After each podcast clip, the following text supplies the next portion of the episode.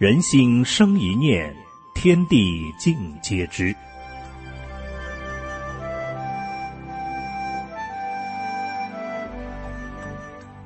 听众朋友您好，欢迎收听明慧广播电台《善恶一念间》节目。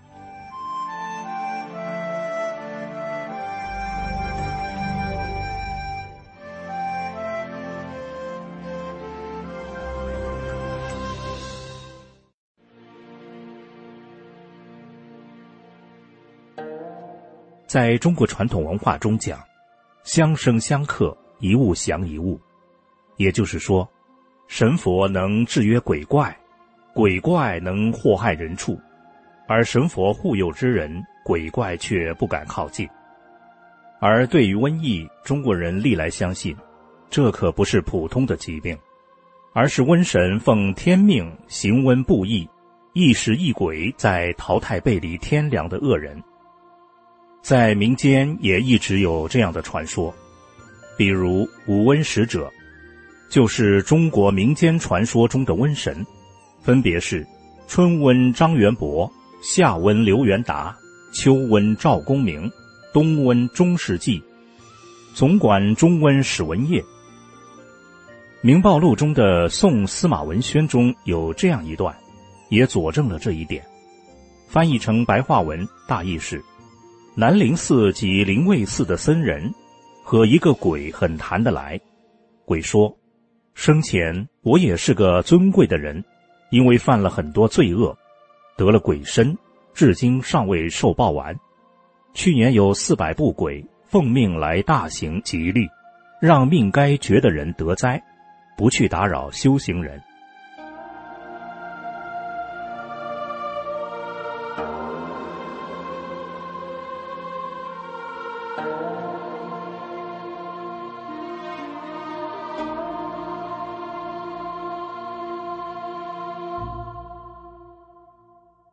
近年来，新冠肺炎从武汉爆发后，在全球大流行。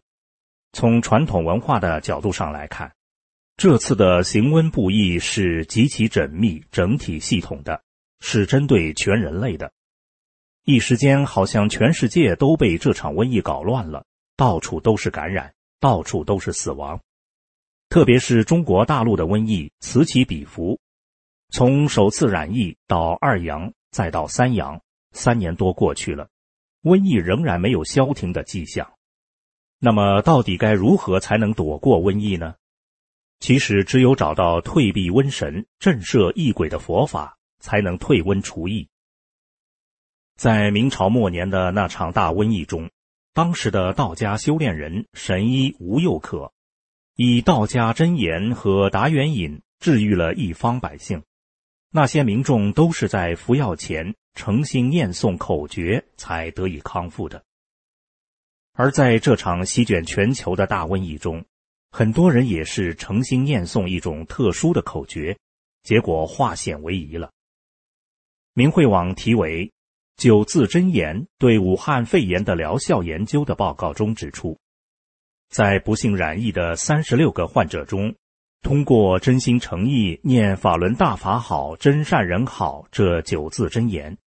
结果显著改善，三十六例患者总体症状改善率为百分之百，其中二十六例症状康复占比百分之七十二，十例症状改善占比百分之二十八，十一例重症患者十例症状康复一例改善，重症并且住 ICU 有三例，两例完全康复一例改善。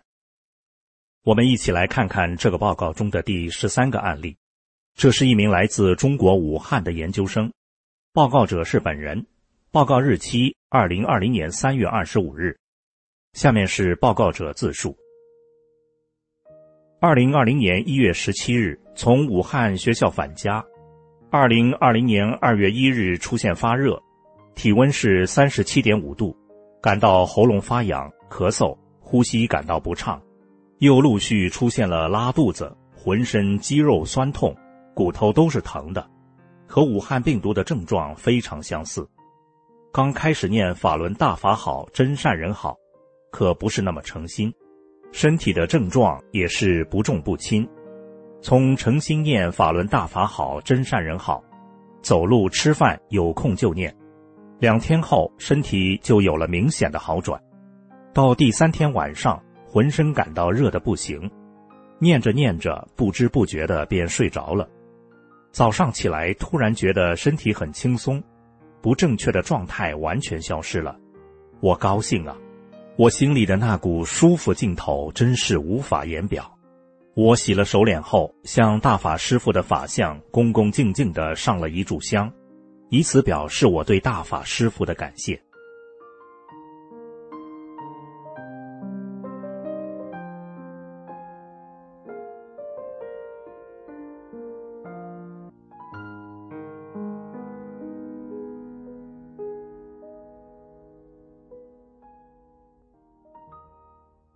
有人会问。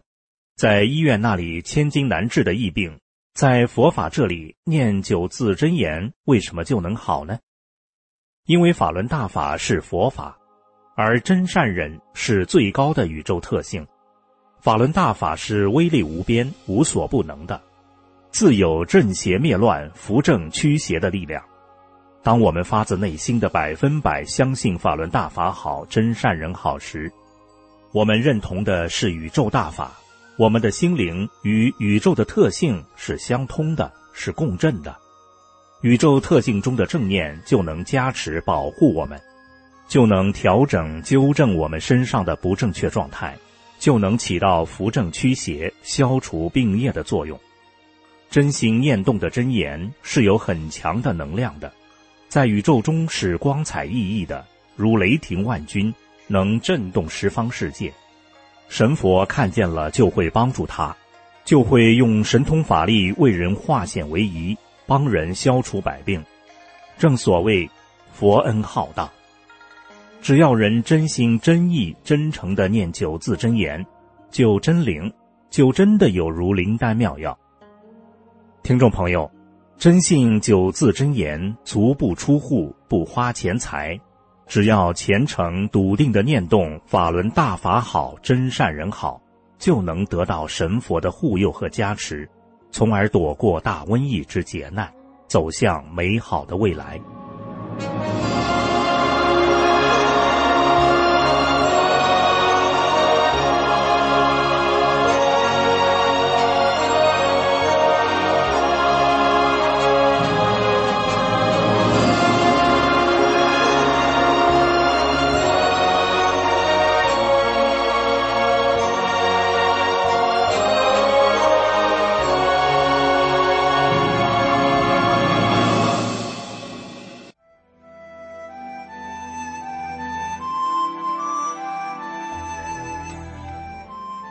听众朋友，今天的善恶一念间就到这里，感谢您的收听。